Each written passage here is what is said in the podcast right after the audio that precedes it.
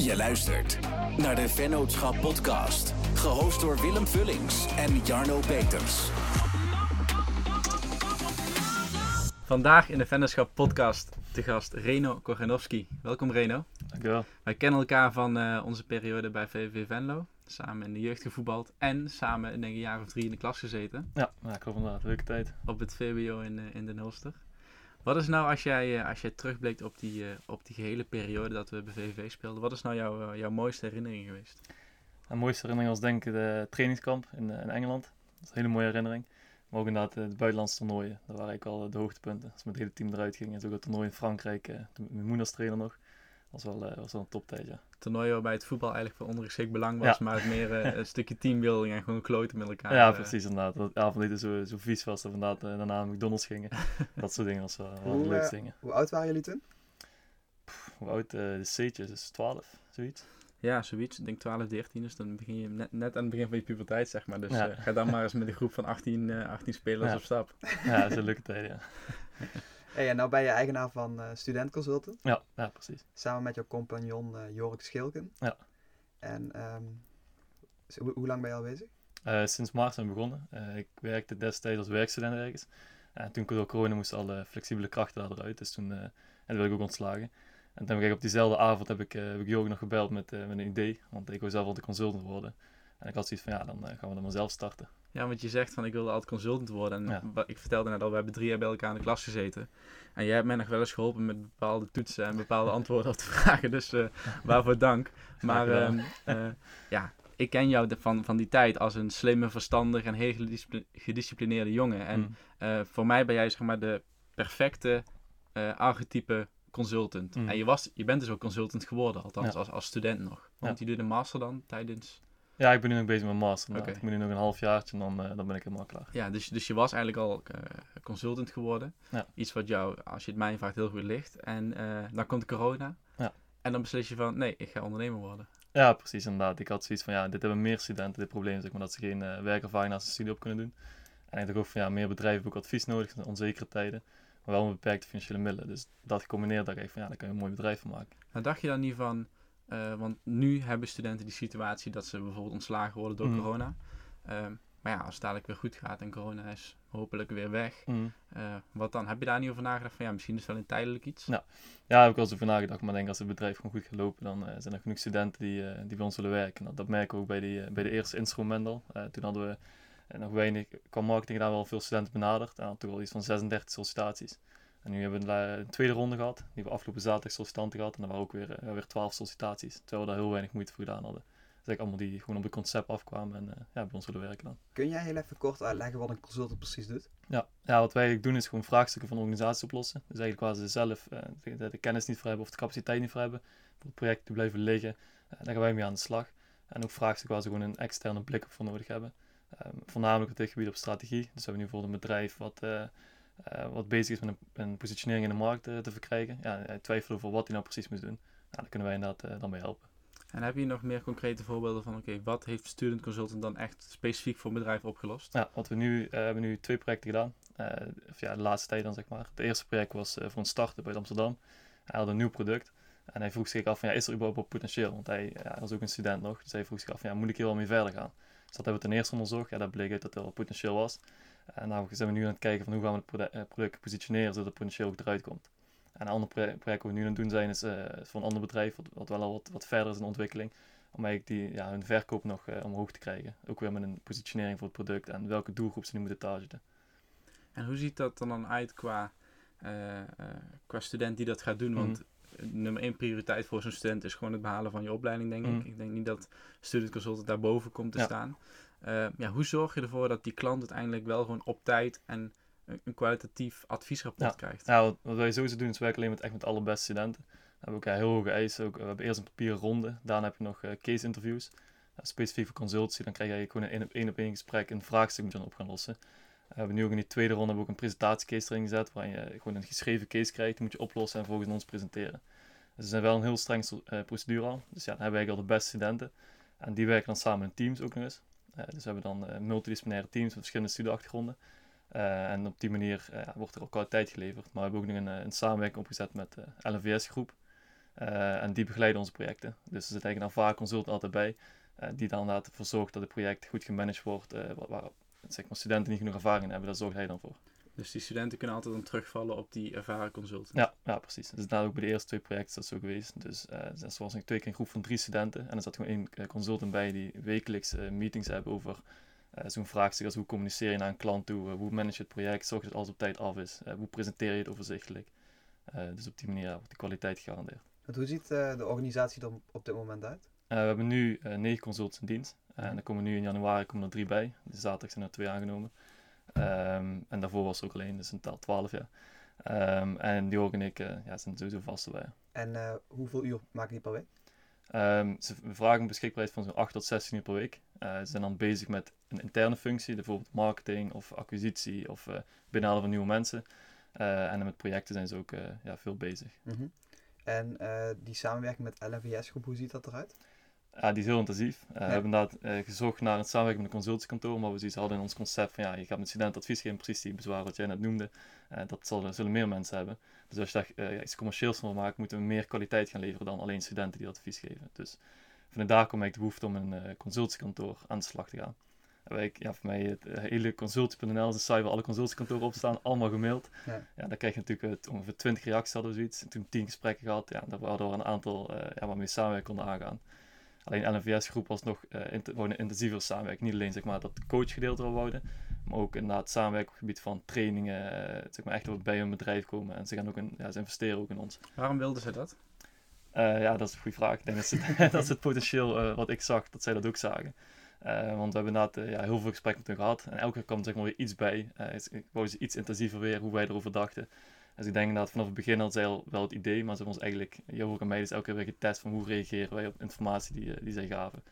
Dus uh, ja, vanuit daar kwam, kwam die samenwerking. En was dat voor jullie daarom ook zeg maar, meteen duidelijk van oké, okay, daar moeten we ook voor hun gaan, omdat zij dus de energie in de voorkant ook instaken? Ja, precies inderdaad. Zij, ja, ze zagen hetzelfde potentieel uh, en ze waren ook, ja, zoals ik zei, veel intensiever. En niet alleen, bijvoorbeeld, hebben we ook gesprek gehad met grote consultkantoren, de, de, Big Four. Mm -hmm. uh, en zij hadden voornamelijk zoiets van, volgens mij, als een wervingskanaal. Zij zagen vooral een kans zeg maar, om stand een beetje te begeleiden en dan maar de beste stand eruit kunnen blikken ja, ja. En dat was bij dit uh, bedrijf niet het geval. Ja, want uh, ik vind het wel een mooie wat je nu aansnijdt, dat, dat ze jullie, of dat studenten bij jullie wegplukken. Mm -hmm. Maar jullie bedrijf heet Student Consultant. Ja. Uh, en een student, dat is misschien vier tot zes, sommigen misschien tien jaar. Ja. Maar daar, komt een, daar komt vrij snel een einde aan. Ja. Dus in, jullie investeren best wel in de selectieprocedure, mm -hmm. dus je neemt alleen echt de beste aan. Ja. Um, dan gaan ze voor je werken. Maar het kan goed zijn als een student al een jaar drie zit en het doet er vier jaar over de studie, dat hij binnen een jaar weer weg is. Ja, hoe, ja, hoe ga je daarmee om? Ja, hoe we daarmee omgaan is inderdaad door uh, drie instrumenten per jaar te hebben. Dus we hebben inderdaad, uh, als we hadden zoiets van ja, als je elke keer in september zeg maar, een instrument doet, dan krijg je nou dat probleem dat heel veel weggaan en heel veel erbij komen. En dan kan je elke keer weer opnieuw beginnen. Dus we hebben sowieso als oplossing voor dat we er nu drie doen. Dus we hebben eentje in september, januari en mei. En op die manier krijgen ze eigenlijk dat we dus nu weer drie aannemen. En waarschijnlijk gaan in september er drie of vier af. Die gaan dan weg. En hebben ze nu al, hebben ze al in ons bedrijf zitten en leren ze al hoe, hoe het werken is. Dus daarom krijg je continu die kennisoverdracht binnen ons bedrijf. En verder is dat een van de aspecten wat is mooi is in ons bedrijf. Dat de studenten na een studie verder gaan. Dus of naar de consultiemarkt, waar veel interesse is natuurlijk, maar ook, het kan ook zijn dat ze naar opdrachtgever en dat ze daar blijven. Mm -hmm. Mensen daar een project hebben uitgevoerd, weet die opdrachtgever al van ja, dit is een goede student en ik ken hem al, blijft hij wellicht daar werken. Dus dat is ook nog eens ja, interessant, zeg maar, onze, onze bedrijf. Moeten jullie daar bepaalde afwegingen in maken in, in hoeveel je investeert in een werknemer, in een mhm. student? Want er zijn dus bedrijven die zeggen van, als je bij ons komt werken, krijg je persoonlijk ontwikkelingsbudget, mm. uh, zoveel interne opleidingen. Weet je wel, er wordt heel veel geïnvesteerd mhm. om zo iemand uh, uh, te laten groeien binnen een bedrijf, in de hoop dat die heel lang bij dat bedrijf blijft ja, werken. Uh, ik kan me voorstellen dat je dat eerst wel willen, mm. maar dat aan de andere kant het gewoon niet de moeite waard is, omdat ja. die mensen heel snel weer weg zullen Ja, maar toch inderdaad investeren we ons nog heel veel. Uh, want wat ze bij ons doen, ze zijn bij ons werkzaam. Uh, maar ze krijgen zeg maar, enkel betaald voor de projecten waar, waar ze aan werken. Dus zeg maar, de interne functie, zeg maar, dus die marketing die ze doen, die sollicitatieprocedure, bijvoorbeeld nu zaterdag hadden sollicitatie, zijn ook weer twee van onze consultants zijn gewoon erbij. Die zijn ook zeg maar, een dag mee kwijt. Dat zijn dan uh, onbetaalde werkzaamheden. Maar in ruil daarvoor krijgen ze wel allemaal die trainingen, wat je nu aangeeft. Nou, we hebben heel veel trainingen, heel veel begeleiding uh, en dat soort dingen. Dus dat heft zich dan weer op. Dus je zet uh, je studentconsultant zet je mhm. eigenlijk in om ook intern in het bedrijf bepaalde rollen te vervullen. Ja. in ruil daarvoor groeien ze eigenlijk omdat ze ja, ervaring opdoen in die rollen. En jullie profiteren daarvan omdat je daar geen andere mensen voor hoeft aan te nemen. Ja, precies inderdaad. Dat is eigenlijk wel het, concept. En dat is dan natuurlijk gewoon die, die mogelijkheid, ontwikkeling wat je bij ons krijgt. Dat die heel veel verantwoordelijkheid is. Ook als je bezig bent met marketing, ben ik bezig met de marketingstrategie. En niet alleen maar met, uh, ja, met zo'n kleine dingetjes. Dus nou, je krijgt gewoon heel veel verantwoordelijkheid, heel veel mogelijkheid ontwikkeling. alleen dan is het wel is een stukje motivatie. Ja. Niet alleen maar het inplannen van de social media post. Nee, nee inderdaad. Dus inderdaad ook gewoon een strategie. Wat, wat willen we naar buiten brengen? Wat voor, soort uh, marketing sporen hebben we, zeg maar. Uh, nou, daar zijn we wel veel mee bezig. Ja. Waar lig jij als jonge ondernemer wel eens wakker van? Dat we niet genoeg projecten binnenhalen. Dat is toch het belangrijkste, zeg maar. Want bij ons bedrijf draait dan dat toch om die studenten dat ze projecten kunnen gaan draaien. Uh, dat is eigenlijk het, belangrijkste uh, ding waar ik, ja, je vaak mee zit, zeg maar. Je moet constant voor projecten zorgen. Ja. Hoe ga je daarmee om? Hoe zorg je dat die wel komen? Nou ja, veel mee bezig zijn. er is inderdaad heel veel. Ik moet bezig met je netwerk opbouwen. Dat merk je in het begin dat het heel moeilijk is. Zeg maar je had, ik had gewoon geen netwerk. Nou, dat moest je gaan opbouwen. En uh, op het moment dat je een project wil halen, moet je net op het juiste moment, de juiste persoon die ook het met een behoefte heeft en ons ervoor zou willen gebruiken. Dus nu inderdaad gewoon heel veel gesprekken hebben met allerlei bedrijven en hopen en dat ze op het moment dat ze een project hebben, dat ze dan naar ons toe komen. Want voor welke klanten werken jullie zoal? Gemiddeld zeg maar, wat is het? Is het uh, corporate, is het MKB, is het kleinbedrijf? Allemaal eigenlijk. We hebben nu uh, een project uitgevoerd van start, ook al zei, dat was echt, een kleine kan bijna niet, dat is zeg maar alleen het idee, al een prototype, maar meer nog niet. Ja, het tweede project dat we uitvoeren is voor uh, ook een startend bedrijf, maar wat wel al ja, een aantal jaar bezig is en omzet heeft en echt al fysieke producten, alles klaar heeft om te gaan starten. maar we zijn ook bezig met echt hele grote bedrijven in Nederland. Ehm, om daar binnen te komen. Um, ik merk ook dat er heel veel interesse in juist zeg maar, dat gebied van studenten overnemen. Dat wij inderdaad gewoon de beste studenten hebben die zij ook willen hebben. Ja. Dus vanuit daar merk ik ook veel interesse. Ja, ja want ik merkte vanuit uh, mijn opleiding, toen was derde, vierde jaar heel veel projecten, ook voor de Big Four bijvoorbeeld, ja. Capgemini en uh, ook een Society, die, die mm. net buiten vallen. Alleen, ik stond er echt van te kijken hoeveel uh, resources zij beschikbaar stellen om ja. um, zo'n groep scholieren, dus gewoon een klas te begeleiden. Dus je moet je voorstellen, je komt daar binnen met een klas van 30 man, 25 mm. man. En dan staan al iets van 10 FTE's klaar om zeg maar alles uh, in goede banen te leiden. En gewoon iedereen netjes, uh, netjes op te vangen. Allemaal in voor een presentatie. Daarna gaat er een groepje in een Tesla van de baas rijden, weet je wel. Er, wordt, er, wordt, echt heel veel geïnvesteerd. dat is een voorbeeld van één dag. Maar we hebben ook um, gewoon semesterlang projecten gehad met een Capgemini. Dat we gewoon constant de beschikking hadden over een consultant, die fucking duur zijn. Mm. Uh, maar die we dag en nacht konden bellen of konden mailen van, hé, hey, we zitten hiermee, wat moeten we doen? Aan het einde van het semester moesten we dus bij Capgemini presentaties geven voor weer al die FTE's. Ja. Dus al met al is dat gewoon een hele dure uh, uh, opgave voor zo'n Capgemini. Nou, ze, zullen zij dat niet echt voelen in de portemonnee. Maar um, het, het, laat wel zien, zeg maar, hoezeer zij geïnteresseerd zijn in de nieuwe lichting studenten. En uh, ik denk dat dat wel voor jullie ook een mooie kans is om daarop in te spelen. Ja, ja klopt. Dat is inderdaad een merk ook. We hebben, wij hebben gewoon, zeg maar, we zitten binnen de, de, de studenten. En we hebben daarom ook echt het allerbeste. Nou, onze studenten kunnen ook weer de beste studenten uit hun klas. Dus op die manier uh, ja, zitten die gewoon binnen ons bedrijf. Uh, en op het moment dat je dus een project met ons uitvoert, heb je één inderdaad, dat we al sowieso een heel scherp tarief hebben wel werken met studenten. Je krijgt een concreet resultaat. Maar daarnaast heb je ook nog eens dat er eigenlijk een stukje wervingskosten zijn. Dus inderdaad, we zeggen al het geld we eraan uitgeven. Dat zou ook zeg maar uit kunnen geven aan een project met ons waar je ook nog een resultaat krijgt. Ja. Dus dat is inderdaad uh, ja, dubbele waarde, zeg maar. Wat is uh, jouw rol binnen het bedrijf? Uh, veel. ik doe vrijwel net alles. Ik met alle ik die functies wel ingedeeld heb zijn acquisitie, marketing en human resources. Mm -hmm. ja, daar ben ik sowieso overal mee bezig. En in het begin van het bedrijf natuurlijk ja, het opzetten, administratieve processen, alles opzetten.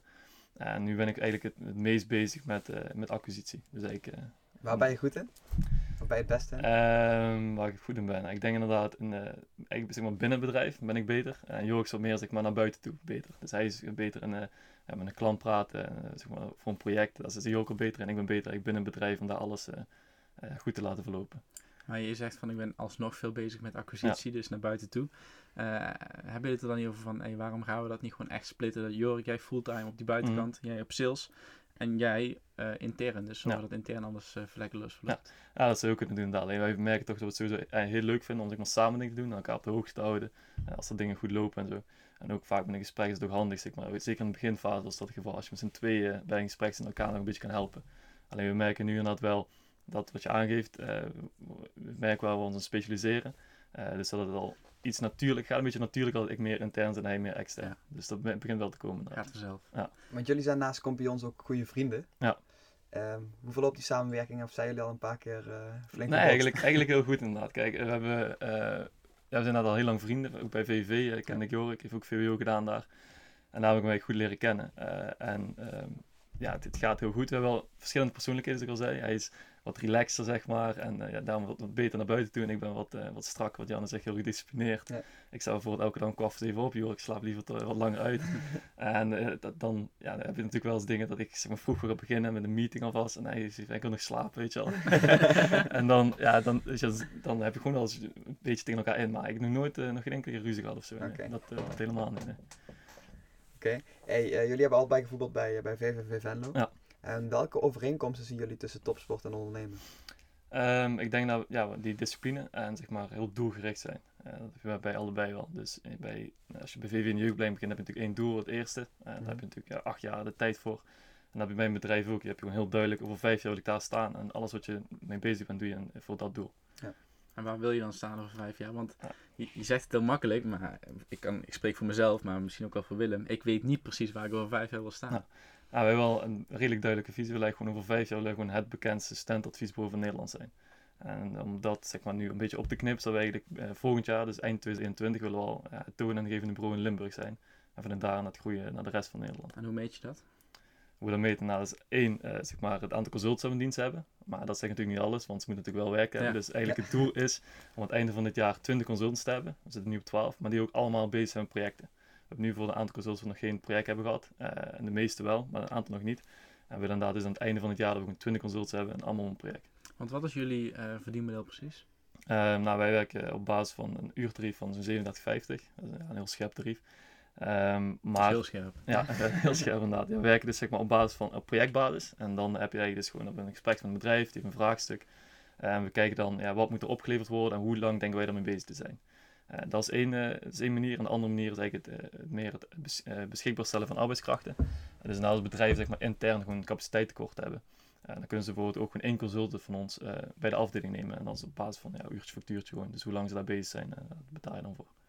En um, ehm, 37,50 is voor consultants echt heel weinig. Ja, ja um, welke afweging heeft voor jullie bepaald om op dat prijspunt uit te komen? Ja. Nou, we willen sowieso naar een heel scherp tarief. Um, zeker om mee te beginnen. Dus we hebben dat wel zoiets van, ja, die kwaliteit wat we nu leveren, dat je ziet in die eerste twee projecten, is dat gewoon te laag. Alleen we zitten nu wel een beetje op het moment van, ja, we willen nu gewoon die naamsbekend te krijgen, veel projecten uh, afronden, zodat iedereen ook ziet welke kwaliteit je gewoon levert. En vanuit daar zal die prijs op een gegeven moment wel uh, omhoog gaan. Want het is inderdaad op dit moment nog voor ons uh, wat we leveren, maar te weinig. Maar ben je niet bang voor, en dan heb ik eigenlijk twee dingen. Eén is, mm als je dus met hele grote bedrijven aan tafel gaat, dat ze denken van 37,50, dat ga ik niet serieus nemen. Mm dat is, dat is vraag 1. En vraag 2. En vraag 2 is, um, je, je stapt nu in op 37,50. Ja. En je zegt van naarmate die kwaliteit omhoog gaat, um, gaat die prijs omhoog. Ja. Ben je niet bang dat, dat, dat er dan zoiets ontstaat van, ja maar jullie begonnen op 37,50 en nu ga je opeens ja. het dubbele vragen bijvoorbeeld. Ja, dat, die tweede vraag inderdaad, wat ik zei, die kwaliteit wil leveren, dan snapt iedereen inderdaad dat je op een gegeven moment uh, omhoog zou gaan. En de eerste vraag, uh, dat is een goede inderdaad. Uh, maar we merken dat toch bij gesprekken dat vaak toch wel de prijs toch wel een, een, moeilijke iets is, ook voor, voor start-ups, dat zelfs dat bedrag al redelijk hoog is. Maar voor grote bedrijven inderdaad is dat natuurlijk ja, peanuts, dat is inderdaad niks. Maar dat is inderdaad, we willen dat gewoon doen om die drempel heel laag te hebben, om gewoon onze studenten die kans te geven tot ontwikkeling. Wil je dan niet juist um, meer, meer gaan kiezen in je doelgroep? Want als je dus bijvoorbeeld zegt van ja, die start-up die vindt dat al best wel ja. een vrij pittig bedrag, dat zo keer zoveel uur gaat. Ja. ja die corporate die draait zijn hand er echt niet voor om. Ja. Um, dan zou, dan zou ik kunnen bedenken van ja, als je dus heel specifiek voor corporates gaat, uh, daarop gaat targeten, dan kun je en je prijs een stuk omhoog zetten. Dus meer marge, dus meer winst. Dus meer ademruimte. Um, plus, je hebt geen last meer van uh, start-ups die, zeggen, die, die over de prijs zitten te, nou, dit, is precies een afweging wat, wat Jorgen en ik ook mee bezig zijn. Uh, enerzijds hebben we dat die projecten voor startups die zijn leuk. Het zijn echt heel leuke projecten. Je bent heel intensief bezig met zo'n ondernemer. Uh, maar we zijn daar nu meer aan het focussen op naar grote bedrijven. Uh, om inderdaad daar vooral ook dat, dat stukje projectondersteuning wat ik net al noemde, om daarop te zetten. Uh, precies om die overweging wat jij nu eigenlijk uh, aangeeft. Het is inderdaad interessant. We merken ook dat zij ook meer geïnteresseerd zijn in een stukje van studenten overnemen. Dus zeg maar die recruitmentkosten. Ja. dus we merken inderdaad dat daar nu onze focus op ligt. Ja, en ik denk dat dat echt een enorme USP voor jullie is. Als je, dus een, als je dus een pitch moet doen voor zo'n corporate en je weet van ja, hun zijn gewoon echt op zoek naar, naar nieuwe consultants voor de toekomst. En je kunt dus pitchen van hey, enerzijds we doen dit project dit gaat het je kosten, dit krijg je ervoor. Maar je, als jij die student een, een, ook een mooie tijd geeft en, en een goed beeld van je organisatie geeft, dan is die uh, studentconsultant zomaar geneigd om na zijn of haar studie ook voor jullie te gaan kiezen. En dat scheelt jullie x wervingskosten. Ja, dat is inderdaad de pitch die we ook gebruiken. Dus uh, even samenvattend dan, als, als ik over een jaar, als we hier weer zitten en ik, je, krijgt weer de vraag van, uh, voor wie werken jullie? Dat is een waarschijnlijk de corporate Oké, ja, top. Welke nadelen ervaar jij als jonge ondernemer? Uh, gebrek aan ervaring. Dat is inderdaad heel simpel. Kijk, op het moment dat we begonnen met, met het idee, niet zo'n bedrijf, maar het idee, uh, dan denk je heel makkelijk van, ah, dat is gewoon een bedrijf oprichten en uh, je hebt net 750, je hebt kosten die je betaalt en daartussen is de winst, klaar, mm weet je wel. Je denkt helemaal niet aan overheid, kosten en wat dan ook. Uh, plus het gedoe wat ik kon kijken bij een BV oprichten, dat, dat, vond ik eigenlijk inderdaad absurd. Weet je, toen we daar instapten op een gegeven moment, dus met NVS, gingen we daar samen onder de eerste VOF'je, hadden Jorg en ik. Ja, ze moesten dus naar een BV, maar zij ook willen investeren. Ja, wat, wat daarmee kon kijken, dat heb ik echt zwaar onderschat. Neem ons eens mee, wat, wat moest allemaal geregeld worden? Ja, wat allemaal geregeld moet worden. Je moet natuurlijk ja, een aandeelhoudersovereenkomst uh, moet worden uh, gemaakt. Een notaris, BV-structuur, welke SPI-codes kunnen erbij kijken, uh, noem maar op. Ja, dat soort dingen, daar heb ik toen wel heel veel stress inderdaad voor gehad. Dat, heb jij zelf dan nog een holding? Of? Ja, ja, die ook nog, ja. Maar oh, je zegt, ik heb daar heel veel stress van gehad. Um, er worden elke dag BV's opgericht. Ja. Ik snap dat het uh, zeg maar spannend is als jong ondernemer om ineens een BV op te richten. Maar jullie hadden ook weer de ondersteuning van zo'n LVS. Ja, precies. Voor hun is het waarschijnlijk gewoon peanuts. Ja, voor hun was het inderdaad eh, heel simpel. Uh, dat is maar zoveel keer dat ze daar zaten. Ja. Uh, dus da vanuit hun, die begeleiding heeft ons heel erg geholpen inderdaad. Maar ook, zeg maar, op het moment, toen was die BV opgericht, dat is zeg maar, een bepaalde tijdsdruk op, want we hadden de studenten die we al aangenomen hadden. Alleen, zeg maar, voordat de BV was opgericht, konden we nog geen contract geven. Nee. Dus daar, daarom zat voor mij ook daar heel veel vaart achter. Ik denk heel veel gebeuren in een korte tijd. Maar toen was dat op een gegeven moment gelukt. Toen begon het bedrijf met lopen. En dan komen de dingen zoals een loonadministratie uh, opstarten. Een G-rekening aanvragen die je nodig hebt om zeg maar, dus mensen te, uit, te besteden. Aan, aan, aan zo'n corporate heb je een G-rekening voor nodig. Allemaal zo'n soort dingen. Dat is allemaal papierwerk. En ja. Uh, dat, is, uh, ja, dat is zeg maar minder leuk van ondernemen. En dat is nu allemaal geregeld? Ja, nu is het allemaal geregeld. Dus, dus je, je kop vrij om... Ja, ja precies. Nou, in het begin was ik heel veel bezig met allemaal die dingen op orde brengen. En nu loopt het gewoon. Dus nu merk je inderdaad dat, we, dat ik nu mijn focus kan leggen op het intern nog beter laten lopen, alles, de werkzaamheden en inderdaad meer projecten naar binnen halen. Als jij nu, als je nu iemand zou mogen aannemen, even los van de kosten, mm. voor jouw interne organisatie, mm. wie zou je dan aannemen? Of niet wie, maar wat voor iemand zou je aannemen? Voor welke rol? Um, nou, voor acquisitie. Dat is voor ons uh, belangrijkste. Marketing loopt, loopt goed. we hebben veel bezoekers op de website, veel op LinkedIn. En blijft daar eigenlijk groeien. Uh, de HR-functies gaan ook goed. We hebben heel veel intern die verzorgen zeg maar, de training en zo. Dat gaat ook allemaal, allemaal super. Uh, ze halen nieuwe mensen binnen. Nou, dat is nu ook weer uh, afgelopen week heel goed gelukt. En dat acquisitie, daar, dat is het punt van verbetering, zeg maar. Maar dat komt net ook omdat we in het eerste half jaar met zaten met die focus. En nu hebben we de hele dag die focus op die corporates. Ja. Dus nu kan, kunnen we gericht gaan touchen. Nou, misschien Willem. Voor jou? ik heb mee nu hoor. Ja. Wat is het grootste struikelblok waar jullie op dit moment tegenaan lopen? Um, waar we tegenaan lopen, nou, er zijn heel veel struikelblokken, kan ik wel vertellen. Uh, een groot struikelblok is inderdaad bij bedrijven binnenkomen. Dus zeg maar inderdaad, we hebben nu die, die focus leggen op grote bedrijven. Alleen hoe kom je daar binnen? Daar werken zeg zoveel mensen. Je hebt zoveel, zoveel mensen moet je gesprek aangaan voordat je überhaupt in aanmerking komt om, voor een project. En daar lopen we nu tegenaan inderdaad. Dat, je daar, uh, dat dat toch erg lastig is. Omdat je toch eigenlijk via via, als je dan iemand kent, dan kom je heel makkelijk binnen. Alleen van buitenaf is het gewoon heel moeilijk met met een koude mail zeg maar eh, je concepten te mogen pitchen daar. Doe je dat überhaupt nog? Koude mail sturen ja, naar ja, zeker. Ja, ja dat, dat, doen we zeker. Dat heeft ook nog uh, vaak genoeg wel succes. Okay. Alleen we hebben inderdaad, je hebt vaak wel 100 mails nodig om één reactie eruit te krijgen. Dat wel, maar uh, dat doen we wel nog steeds. Oké. Hey, um, hoe, hoe zit het nu eigenlijk met sporten? Want we komen allebei een beetje van een topsport achtergrond in die mm. jeugd dan. nu ondernemer en als ik naar mezelf kijk, je moet, moet wel echt mijn best blijven doen om sporten zeg maar, op, op om dat te blijven doen. Vooral als je, als je niet mag voetballen door corona. Hoe, hoe is dat bij jou? Mij hetzelfde, ja. Ik ben net gestart op het moment dat corona begon, dus toen viel het voetbal ook weg. Dat heb ik wel nodig gehad inderdaad, qua tijd. Uh, om dat allemaal op te starten. Dat is zoveel tijd en ook met mijn studie nog daarnaast. En ik merk wel inderdaad dat, dat, het sport eronder leidt. Uh, normaal ging ik maar één keer per dag wel naar de fitness toe. Mhm. Alleen nu ik wel zoiets van, oké, okay, ik moet een kwartier naar die fitness toe, een kwartier terug. Ja. Dus een half uur kan ik een half uur werken en thuis sporten. Weet je wel, dus ik merk wel dat het, uh, dat het soms ten koste van gaat, maar ik probeer inderdaad wel ja, bij te houden. Omdat het ook gewoon lekker is om even je hoofd uh, ergens anders naar zijn te zetten. Zijn er vaste momenten dat je die, uh, die workouts inplant dan? Ja, dat wel. Ik doe net gewoon vast eigenlijk om na 6 uur. ik begin meestal om 8 en eindig om 6. en daarna ga ik gelijk sporten en dan eten. En sowieso net op zondag heb ik nooit wat. En zondag is gewoon vrij. Uh, de enige dag in de week. En dan op zondagochtend ga ik altijd uh, flinkste rennen. Dus gewoon een uur, anderhalf uur even een kop leeg maken. Neem ons eens mee, want je, want je bent wel een beetje aan het schetsen. Neem ons, neem ons eens mee in jouw werkweek. Of ja, überhaupt jouw week. Hoe, hoe ziet die eruit? Want ik denk dat die wel redelijk gestructureerd is. Ja, die is heel gestructureerd. Eigenlijk gewoon elke dag sta ik om kwart voor zeven op. En dan begin ik een half uurtje met, met wat romstabiliteit en wat, wat rekken. Uh, weet je, gewoon wakker te worden. Mm -hmm. Dan zei ik kwart op zeven, dan ga ik ontbijt maken. Ik standaard uh, havermoutpap met uh, mijn smoothie erbij. En om acht uur zit ik zeg maar voor de laptop. En dan uh, is wel eigenlijk, elk, dat is zeg maar elke doordeweekse dag, inclusief zaterdag, mm -hmm. is dat eigenlijk mijn, het ritme. En dan verschilde ik van, ja, met mijn studie. heb ik natuurlijk bepaalde vaste dingen wat ik moet hebben, voor verplicht college of zo. dan zit dat op die dag. maar meestal probeer ik eigenlijk s'morgens veel te werken. En dan van 12 tot 4 even iets aan studie te doen. en daarna weer te werken. Al moet ik wel eerlijk toegeven dat het op dit moment is dat ik bijna door de week alleen maar werk. Ja. En op zaterdag even snel studie en af. Uh, dat, uh, dat wel, ja. Gaat het je wel makkelijk af dan? Ja, studie gaat makkelijk af. Ja, zoals Jan al zei, op, uh, gaat me heel makkelijk. Ik begin er niet over. Die, nee. Reno is echt bij uitstek degene die zegt ik heb niet geleerd en die dan elke keer een nee gaat. Ja. Precies die gast. ja, dat, dat gaat allemaal goed af. Ik merkte wel dat in het begin uh, ging mijn punten wel iets erdoor omlaag. Uh, gewoon puur omdat ik gewoon minder tijd erin stak. Uh, maar laatst heb ik wel een iets betere balans gevonden. En wil ik zeg maar prioriteiten beter zetten, waardoor ik toch een goed punt had. Oké, heb ik een vraag voor die ik hopelijk over een maand mag gaan toepassen. Ik hoop mm. dat ik over een maand toch naar Amerika mag om ja. te voetballen en studeren. Ik zie er echt zwaar tegenop om weer te gaan studeren. Ik ben ja. er echt helemaal klaar mee. Maar hoe ga ik dan het beste... Hoe ga ik dat het beste combineren? Want ik moet dadelijk en heel veel voetballen, meer mm. dan dat ik nu gewend ben. Um, en daarbij hoort ook fitness en herstel, al die dingen. Dus echt veel meer tijd, denk ik dubbele. Um, ik moet studeren. Gelukkig is het allemaal online. En uh, ja. hoef ik niet naar colleges toe, zeg maar. Ja, dus dat, dat scheelt al. En ik, en ik wil blijven werken. Ja. Hoe ga ik dat regelen? Hoe ga ik dat? Nou, zijn dat structuur. Dus gewoon uh, vast, dus die dag vast indelen. lange dagen maken. dat is een goede tip. En alles bijhouden. Dus ik, ik heb in mijn studie wel echt gewoon vast dat ik alles bijhouden en nooit achter komt te liggen. En als ik merk dat ik achter komt te liggen, ja, dan moet je een avondje doortrekken. Ja.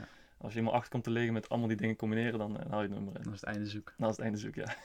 Was vroeger jouw doel eigenlijk om profvoetballer te worden? Ja, ja, dat was zeker. Dat was wel eigenlijk het doel. Ik heb altijd de studie gewoon erbij gehad. Niet omdat ik het leuk vond, maar ja, omdat ik toch merkte dat gewoon... Dat ging gewoon makkelijk erbij, dus waarom zou ik het uh, dan niet doen? Achteraf slim natuurlijk, ja, zie wat ik nu doe. Maar inderdaad, het doel was wel echt profvoetballer worden. En uh, op welke leeftijd of op welk moment besefte je van, hey, dit ga ik niet meer doen of dit ga ik niet meer horen? Um, nou, de B, is, dan ben je 16, 17 zoiets. Toen kreeg ik al inderdaad zoiets van, ja, weet je wel, uh, wordt misschien lastig, dus inderdaad focus op je studie. En op een gegeven moment in de A uh, had ik inderdaad zoiets van, in de eerste jaar A moest je echt al flink bij het eerste aansluiten. Nou, dat was bij mij niet. Tweede jaar A wel, heb ik een aantal keer meegetraind, wat oefenwedstrijdjes gespeeld. maar ik had inderdaad niet het gevoel dat ik zeg maar, het jaar daarna of het twee jaar daarna echt zo tot de, tot de eerste 18 of zo van het eerste geboren. Ja. En dan toen, ja, ik mocht dan wel blijven op amateurbasis. Uh, maar dat, dat combineren met studie ging niet. En toen ben ik gewoon heel simpel, al heel snel de keuze gemaakt om te zeggen van ja, dan ga ik voor studie. Wat houdt dat op amateurbasis eigenlijk in? Dan krijg je gewoon echt alleen reiskosten of zo? Ja, dat is een onkostenvergoeding. Ja, ja, dus dan moet je echt gewoon de hele week heel veel uh, uh, trainen en ook overal bij aanwezig zijn ja. tegen, tegenover onkosten. Ja, ja en dat, dat inderdaad. Dus dan okay. train dat, dat was gewoon niet te combineren voor mij. Dan train nee. op 11 uur en 4 uur s middags. En dat nog met studie erbij doen, uh, dat, dat uh, is niet te doen. Niet doet, te doen. doet iemand dat? ja, nou, dat doen er genoeg. Okay. Kijk, nou, ik denk dat op het moment dat je weinig naaststudie hebt, dan is het ook minder een ja, makkelijke keuze om dat toch te gaan doen. Maar je ziet inderdaad op dit moment voor de jongens die uh, al drie jaar lang dat doen, een paar keer mogen invallen of zo bij de eerste, ja, dan denk ik van ja, dan ben ik toch blij dat ik deze keuze gemaakt heb. Ja, dat snap ik wel goed. Dan leef je gewoon een paar jaar op onkostenvergoeding eigenlijk. Ja, ja precies. Wat vind je op dit moment allerleukste aan je werk? Allerleukste is uh, de, zeg maar, als je een, project binnenhaalt, zeg maar, dat is altijd het allermooiste moment. En dan heb je van, ja, lekker, dat je goed, goed gewerkt, uh, mooi, en overtuigd van ons concept. En nu mag je gaan beginnen, zeg maar, dan mag je een project gaan uitvoeren voor iemand en ook echt waarde voor iemand opleveren. Want dat is, ja, dat is zeg maar, waar het uiteindelijk om gaat, zeg maar, zo'n eindpresentatie bij een klant, van ja, dit hebben we weer opgeleverd. En dat iemand dan gewoon blij is uh, en, en zegt van, ja, ik heb hier iets aan, ik kan niet meer verder. Dat zijn eigenlijk de mooiste momenten. Ben je daar ook bij, bij die eindpresentatie? Ja, ja. we hebben inderdaad... Uh, Kijk, we hebben altijd die begeleiding consultant van LNVS Groep, die het project begeleidt, maar ook altijd of Jork of ik, die zit daar nog intensief bij. Mm -hmm. Dus altijd bij presentaties bij klanten zijn we ook altijd uh, bij aanwezig. Wat doe je als die klant zegt van, uh, ik weet het niet? Ja, dan wordt opnieuw uh, aan gewerkt. Uh, het is heel simpel. op zo'n klant geeft natuurlijk altijd feedback. Het blijft altijd een, een samenwerking met een klant. Ja, het is nooit af. nee, het is nooit, nooit echt helemaal af inderdaad. Dus op het moment dat iemand zo'n presentatie geeft en hij heeft wat feedback, dan gaan we daar weer mee aan de slag om het nog een keer te verbeteren. Tegen een mooie nieuwe prijsafspraak. Nou, dat ligt natuurlijk wel. Als we zeg maar, binnen de, de omkadering van het eerste projectplan ja, paste, ja, dan, dan is het gewoon daar binnen. Dat is gewoon waar wij zeg maar, de uurinschatting voor gemaakt hebben. En blijkbaar hebben wij dan zeg maar, iets niet goed genoeg gedaan. Dan is het dan onze kant om dat op te lossen. Maar inderdaad, als het een compleet nieuw vervolgproject is, ja, dan blijven we daar graag bij. Ja. Is er nog een issue op zich? Want jullie hebben best wel veel verschillende projecten. Hoe weet mhm. je van tevoren dat je dus dan inderdaad het project ook echt kan waarborgen? Ja, de, hoe bedoel je, de kwaliteit of de ja, tijd? de kwaliteit. De kwaliteit, nou dat is eigenlijk altijd omdat we heel veel verschillende studieachtergronden hebben. We hebben echt van alles. We hebben bijvoorbeeld iemand die, die neurocognitie studeert, HR-studies of echt international business, techbedrijfskunde, uh, werktuigbouwkunde, noem maar op. Echt heel breed. Uh, er zijn altijd geschikte studenten bij ons. Um, plus inderdaad die begeleiding van Bluepoint, die hebben ja, zoveel verschillende projecten gedaan. Uh, die weet ik overal wel uh, bij te helpen. Ja. Oké. Um, is er een ondernemer, of, of, of misschien niet eens een ondernemer, maar is er iemand die jou inspireert? Nou, ja, dat uh, Jules Beukers, ja. Onverwachte keuze misschien. Ja, daar sta ik even van te kijken. Ja. Vertel. Nou, inderdaad, ik, ik, zoals ik al aangaf, op een gegeven moment dat ik stopte bij, bij VV, toen ben ik heel veel gaan, ben ik naar EVF gegaan. Dat train je twee keer in de week op zondag wedstrijd. En toen moest het ook ergens met een beetje energie kwijt qua sporten. Dus toen ben ik op een gegeven moment echt ja, flink gaan fitnessen. Um, en op dat moment kwam ook in die, die films van Joe Beukers. Iedereen kent ze natuurlijk wel. Uh, gaan goud. Ja, gaan goud. uh, ook een tent kapot. ja, dat, dat vond ik sowieso echt leuk inderdaad. En dan begon een beetje te kijken van, oké, kijk, was een goede oefeningen. Dus ik heb daar ja, ja, de afgelopen drie jaar echt hard gefitness. Nu wat minder, zoals ik zei. Maar inderdaad, toen kwam ik een iemand achter, ook achter dat hij ondernemer was. Dat hij dat gewoon een eigen bedrijf gestart was. Dat verhaal van hem, want hij eerst dat hij ook uh, VWO heeft gedaan. Studie toch niet helemaal leuk, vindt gewoon kap was, schulden had. En ja, nu is hij gewoon ja, miljonair. Um, en dan die instelling, die, die vond ik toch wel erg vet. En nog steeds inderdaad. Dus inderdaad die instelling van, maakt niet uit wat er gebeurt, maar dit is mijn, dit is mijn doel en hier ga ik gewoon naartoe. Ja. dat is wel... Hey, en, uh, want, je, want je geeft aan, ik ben echt volle bak gaan fitnessen toen ik bij VV wegging, omdat ja. ik maar twee keer trainde. Mm -hmm. um, ook weer een beetje uit eigen ervaring van. Ik heb dat ook uh, uh, gedaan in die zin. Maar ik merkte gewoon dat ik daar voetballend minder op werd. Mm. Omdat ik een beetje, ja, je wordt breder en je wordt sterker, maar je wordt er ook logger ja. van en bonkiger. En ja, ik moet het toch ook wel hebben van een stukje techniek en een stukje mm. flexibiliteit. En ik merkte gewoon, ja, door dat, al dat fitnessen, kom, ik dacht altijd, dat komen mijn prestaties op het veld ten goede, maar het was juist ja. tegenovergestelde. Ja. Had je dat niet? Ja, ik ben nooit flexibel geweest. en ook nooit technisch. Dus uh, voor mij was het eigenlijk uh, juist goed. Want ik was sowieso niet, niet, heel snel, zeg maar. Maar ook, ja, ik was wel groot. Maar ik ook op dat moment dat ik stopte VV 74 kilo. Echt? Ja, dat was, was niet veel inderdaad. Dus gewoon, ja, en je had een vetpercentage van 3%? Ja, dat was niet, geen hoog vet. Nee, dat was wel, ja, gewoon tenger. En op een gegeven moment ben ik toen echt flink gaan fitnessen. En toen speelde ik zeg maar, bij EV. In het begin van het seizoen speelde ik dan vrij heel weinig zeg maar, als jonge, nieuwe speler. En toen had ik zeg maar, heel veel tijd om echt, ja, flink te groeien zonder dat echt wat af te mijn prestaties. Mm -hmm. En op een gegeven moment begon ik dan meer te spelen. Maar in dat jaar ben ik uh, 12 kilo aangekomen. Zo. Uh, ook wel vet, dat is heel veel vet natuurlijk ook. Maar dat gewoon een stuk fors en dat had ik wel toch ook nodig in, in, het volwassen voetbal, zeg maar. Ja, misschien is het ook een beetje positie gerelateerd. Ja, zeker. Kijk, als centraal verdediger is wat, uh, wat makkelijker om ja. minder flexibel te zijn en iets zwaarder. Jezus, 74 toen je... Ja, ja toen had ik 86. Want hoe groot ben jij? 1,89. oh, oh, dat, ik dacht iets langer. Ja. Waar ben je tot nu toe uh, zakelijk gezien het meeste trots op?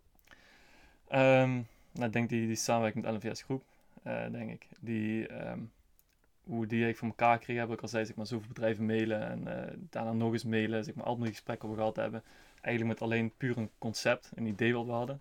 en hun daarvan overtuigen, dat zij die potentie ook zagen. En ja, op die manier zeg maar, die samenwerking opstarten en investering, terwijl wij nog weinig gedaan hadden, niet echt een track uh, waren zeg maar, met z'n tweeën, hadden niet studenten in dienst, maar ja, dat, dat, hun daarvan overtuigen, dat was uh, denk ik wel een van de mooiste dingen. Waarom denk je dat zij in jullie geloofden? Goeie vraag. Dat, uh, wat ik denk inderdaad is dat zij het ermee eens waren dat er potentie lag in de markt van studentadviesbureaus. Ehm, ik denk dat dat een hele belangrijke reden was, maar ik denk dat dan een heel belangrijke reden is dat ze zeg maar, in ons, in Jorg en mij geloofden. ik denk, heel veel bedrijven investeren niet in bedrijven om het, alleen het concept, maar ook de ondernemer die erachter zit. Uh, ik denk dat ook in al die gesprekken we met hen gehad hebben, dat, ja, dat wij hen toch hebben kunnen overtuigen. De vent in de tent. Ja, ja dat is toch een belangrijke belangrijk persoon. Ja. ja jij maakt uh, lange dagen, 8 tot 6, misschien wel 7 tot 6. Ja. En uh, dan moet de avond nog beginnen. Hoe zorg je ervoor dat je gewoon de hele dag door energie hebt? Dat je aan het einde van de werkdag nog de puff hebt om te gaan sporten? Ja, dat is nooit eigenlijk een probleem bij mij. Ik denk met op het moment dat je met bezig bent met wat je leuk vindt, dan kost het niet echt energie. Ik heb eigenlijk echt zoiets van, op het moment dat ik een dag moet gaan studeren, voor na dit gesprek moet ik gaan studeren, ik heb bijna tentamen, dan heb ik zoiets van, ja, niet echt zin om op te staan. Maar op het mhm. moment dat ik moet gaan werken, als ik zeg maar weet van, ik ga naar het kantoor, uh, ga daar zeg maar, met, met die eigenaar van NVS voor samen zitten, hoe gaan we, dit, uh, hoe gaan we bepaalde dingen aanpakken, en samen met Jorg erover uh, over zitten, dan heb ik gewoon zin. Dan wil ik gewoon, dan heb ik, sta ik zonder probleem om zes uur op en ben ik gelijk wakker en rijd naar kantoor toe. En hoe ziet jouw voeding en slaappatroon eruit? Um, ja, ook gestructureerd, zoals je me kent. Ik heb inderdaad uh, het ontbijt altijd, uh, ik zei half met pap en een smoothie. Ja. Uh, dan eet ik meestal tot 12 uur niks. Om 12 uur heb ik een boterham met tonijn. Dat eet ik altijd. Dat is voor de eiwitten. En s'avonds eet ik altijd gewoon om, om 7 uur zeg maar, na het sporten. En dat is wel verschillend altijd. Maar als je dat dus niet doet, heb je dan ook zeg maar, dat je, dan zit je niet lekker in je vel? Nee, ik, nee, nee, achteraf niet, nee. Oké, okay, dus ook een beetje neurotisch. Nou, lichtelijk wel, ja. Nou, ik heb wel een bepaalde structuur nodig. Ik ben, ik ben heel flexibel kan ik zijn, zeg maar. Op het moment dat zeg maar, snel iets geregeld wordt, dan is het geen probleem. Maar ik heb wel een bepaalde structuur uh, nodig om gefocust te blijven. Um, ook gewoon om te weten van, ik moet nu gaan eten en even stop met werken, dus ik moet even een boterham gaan maken. Ja. Uh, dat heb ik wel nodig. Ja. Maar jouw eetmomenten zijn dus gewoon altijd drie momenten per dag? Geen tussendoortjes, geen... Uh... Nee, eigenlijk weinig, nee. Ik heb op moment soms dat ik echt heel erg honger heb, soms pak ik een stuk fruit tussendoor nog, maar dat... en qua slaap? Ook gestructureerd.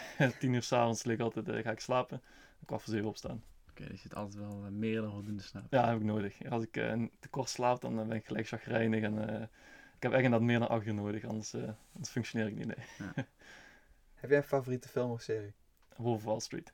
Wolf Wall Street. Ja, ja, dat is een geweldig verhaal. Okay, dat is ook inderdaad een stukje dat acquisitie wat, uh, wat ik nu ook leuk vind om te doen. Een andere, heel andere manier natuurlijk, maar ja, die film vond ik ook wel. Het einde niet wel? Nee, het einde niet. Ja, dat, dat niet. En ook, ook drugs en alcohol was ook niet bij mij, weet je al ook. Maar uh, ja, wel het, gewoon het, het, idee van je gewoon met niks beginnen en, uh, op, op zo'n manier, ja, dat vond ik wel vet, ja. Ja, ik vind het zelf ook een hele vette film. Ja, zeker. Uh, Lees jij veel boeken? Uh, nee, maar ik heb nou nu wel met Sinterklaas uh, twee boeken gekregen, gevraagd zeg maar. Um, Thinking and Growing Rich, ja. ja. de klassieker, die had ik nu niet gelezen. En Surrounded by Idiots. Het gaat een boek ook eigenlijk gebaseerd op het DISC framework. Zeg maar, van vier type personen heb je. En hoe communiceer je met elk type persoon effectief. Dit is mooi, want we, hebben, we hebben twee weken geleden met Bob van den Berg opgenomen. Mm -hmm. En na de opname hebben altijd nog even een beetje nagesprek. En uh, toen, toen haalde hij dus die disktypes aan. Ja. Um, Rood, geel, groen, blauw. Ja, geel, groen en blauw. Maar je hebt daar dus weer een boek als verdieping op gelezen. Ja, nou, die, die ga ik nu lezen. Ik heb die inderdaad uh, gekregen met Sinterklaas, dus die ga ik daar in de kerstvakantie een keer lezen. Uh, ja, dat is, lijkt me een heel leuk boek. Je hebt zeg maar die vier type personen, rood, blauw, geel en groen. En dan hoe communiceer je nou effectief? En op het moment dat ik, ik had wat bepaalde passages gelezen en je herkent het wel inderdaad. Ik heb ook als ik mijn eigen type kijk, dan denk ik van ja, dat, dat klopt wel. welke kleur ben jij? Um, nou, je hebt zeg maar, je hebt die, die assen. Je hebt een as van introvert versus extravert. En je hebt een as van uh, taakgericht en relatiegericht. Nou, Wat denk je ja, waar ik ongeveer in zit? ik denk dat jij, als ik uh, introvert links is en taakgericht boven, dan zit jij helemaal linksboven. Ja, ja inderdaad. Dat is inderdaad. Ik heb inderdaad, ik zit vooral, dat, is, dat is blauwe persoon zeg maar, heel analytisch, methodisch. maar ik, heb inderdaad, ik merk wel dat sinds ik een beetje ondernemer ben geworden, dat ik ook meer richting een beetje het extraverte ga. En ook ja, richting rood. En dan heb je bijvoorbeeld kenmerken dat je heel ambitieus bent. Dat je, uh, als je een doel hebt, zeg maar, dat je ervoor voor gaat. Dus ik zit in dat, rood, uh, blauwe, daar zit ik wel naar in. En Jork zit inderdaad weer heel erg in het geel-groene. Die zit ja, heel erg op de mensen. ik, heb heel, ik herken dat heel erg, want ik denk als je mij dat een jaar of zes geleden had laten invullen, zat ja. ik ook echt linksboven. Ja. Maar ook door het ondernemen en überhaupt gewoon door je persoonlijke ontwikkeling ben ik wel echt... Um, wat jij zegt, ook van echt blauw, maar ook heel veel rode kenmerken. Dus het is niet zo van, oké, okay, uh, je bent één kleur, want dat kan bijna niet meer. Altijd wel kenmerken van andere ja. uh, archetypes die daar binnenvallen. Ja, precies, dat merk ik dat echt. En jij Willem? Um, ik ben helemaal tegenovergesteld. ik was geel, geel-rood, ja. dus uh, heel, erg, heel erg op de voorgrond en heel bevlogen. Ja. Maar ik had laatst ook, vorige week had ik een cursus gemaakt van Adobe. En dat ging over um, welk persoon dat je bent. En dan was de vraag, en die wil ik ook aan jou stellen. Denk je in structuur of denk je in verhalen? Structuur. Ja. ja. En verhalen. Dat is, dat is echt zo'n typerende vraag. Als je, ja. Kijk eens ergens op terug en denk je dan in van hoe, hoe verliep dat? En dan ga je dat heel analytisch terugkijken of denk je van hoe was die ervaring? Of hoe ga ik een nieuwe ervaring uh, ja. Nee, maar het is wel eens echt structuur, ja. Het is wel echt um, heel erg aan te raden om eens gewoon een keer zo'n test te doen. Of, mm -hmm. of Google eens gewoon op disk en check waar je zelf binnenvalt. En ook uh, kijk vooral ook wat de andere kenmerken zijn van wat jij dus niet bent. En dan kun je heel erg eruit halen van, oh, maar die persoon waar ik veel mee omgaan, ga, of mijn uh, compagnon of mijn partner, die is dit. Ja. Dus logisch dat we botsen op bepaalde dingen. Of logisch dat we allebei in andere dingen heel erg goed zijn. Dan valt echt zoveel op zijn plek meteen. Daarom, daarom hebben wij zo weinig risico. wij zijn echt precies tegenovergesteld van elkaar. Ja. En ik denk met Jorg ook zo. Ik zei, ik ben heel taakgericht en hij is veel mensgericht. Ja. Uh, hij is veel relaxter, ik ben veel gestructureerder. Uh, dus um, ik, heb, ik had wat dingen in het boek gelezen en dan zag je nou bepaalde dingen die ik dan met Jorg ook wel zo wrijving hebben. Dan zie je van ja, dat is gewoon hier eigenlijk door te verklaren. En ja. uh, dan moet je gewoon weer, dan zie je ook weer manieren hoe je ermee moet omgaan. Dus wel interessant. Ja. En je hebt ook alles nodig. Ja, ja zeker. Je hebt elk, elk type mensen heb je nodig. je hebt inderdaad, ik ben helemaal niet creatief. Als je, als je mij iets moet laten maken, zeg maar iets van moet designen, kan je beter niet doen. Ik, als, ik kan wel hele goede slides maken, als je gewoon duidelijk dat de, mhm. de boodschap overkomt, dus dat kan goed. Alleen als iets mooi gemaakt wil worden, moet je mij niet hebben. Dus je had altijd powerpoints met een witte achtergrond en zwarte letters. Ja, dat waarschijnlijk wel. Ja, precies. En Comic Sans lettertype. Ja, ja. precies. wij, gaan het spel Dilemma spelen. Jan en ik stellen je om te vragen een dilemma voor. Mm. En um, Janne begint. Dorp of stad? Dorp. Ochtend of avond? Ochtend. Bellen of appen? Appen. Specialist of generalist? Generalist. Bier of wijn? Allebei niet. Dacht ik al. Gym of hardlopen? Uh, gym. Camping of luxe hotel? Luxe hotel. McDonald's of sushi? Sushi.